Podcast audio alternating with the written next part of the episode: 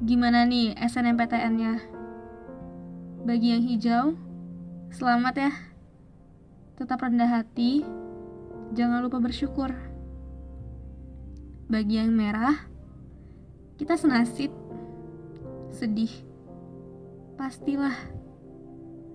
Tapi ingat, yang ketutup itu cuma jalur SNMPTN.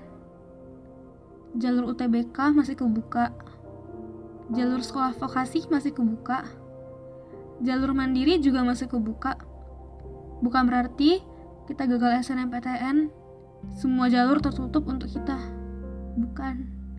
Malah semua jalur terbuka untuk kita. Orang-orang SNMPTN kan gak bisa daftar UTBK. Jadi saingan kita udah berkurang kok. Tetap semangat, nangis boleh, tapi jangan lama-lama ya. Kan harus belajar. Oh iya, jangan lupa untuk tetap bersyukur walaupun hasilnya nggak memuaskan.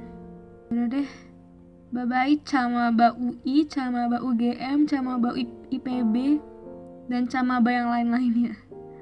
Bye.